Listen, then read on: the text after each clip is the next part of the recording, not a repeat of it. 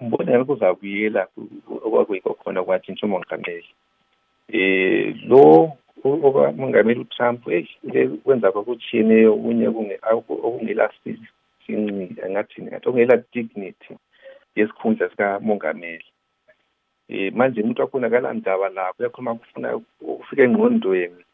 ukuthi kuzanceda abantu kuyabambanisa abantu yini kalanda lapho ngikuthethisa nsuku zonke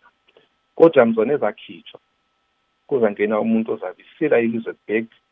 eh esikhathini sokukhankasa okule similo esihle kule dignity ukhanye bekhona abalokhu bemsekela akusoze kwenza abanye bebona ingani lanxa ukhulumela eceleni nje ungaqhubeka ubusa Mbonani umnumzana Trump ukhona lapha ame khona ukani ukwenza bamthakazelele eh, nxa ekhuluma ekhuluma iqiniso lakhe leli kulabantu abathanda umuntu onjalo ikakhulu yena ukhuluma kakhulu esola iziphepheli ama-immigrants abuyayo la um uyakhuluma njalo eh, bangathandani whether umuntu omnyama or likhiwa umuntu ospanish ukukhuluma kwakuyakwenza abantu bangabambani kulabantu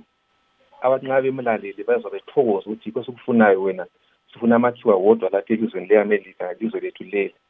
azifuni abantu abavela kwamanye amazwe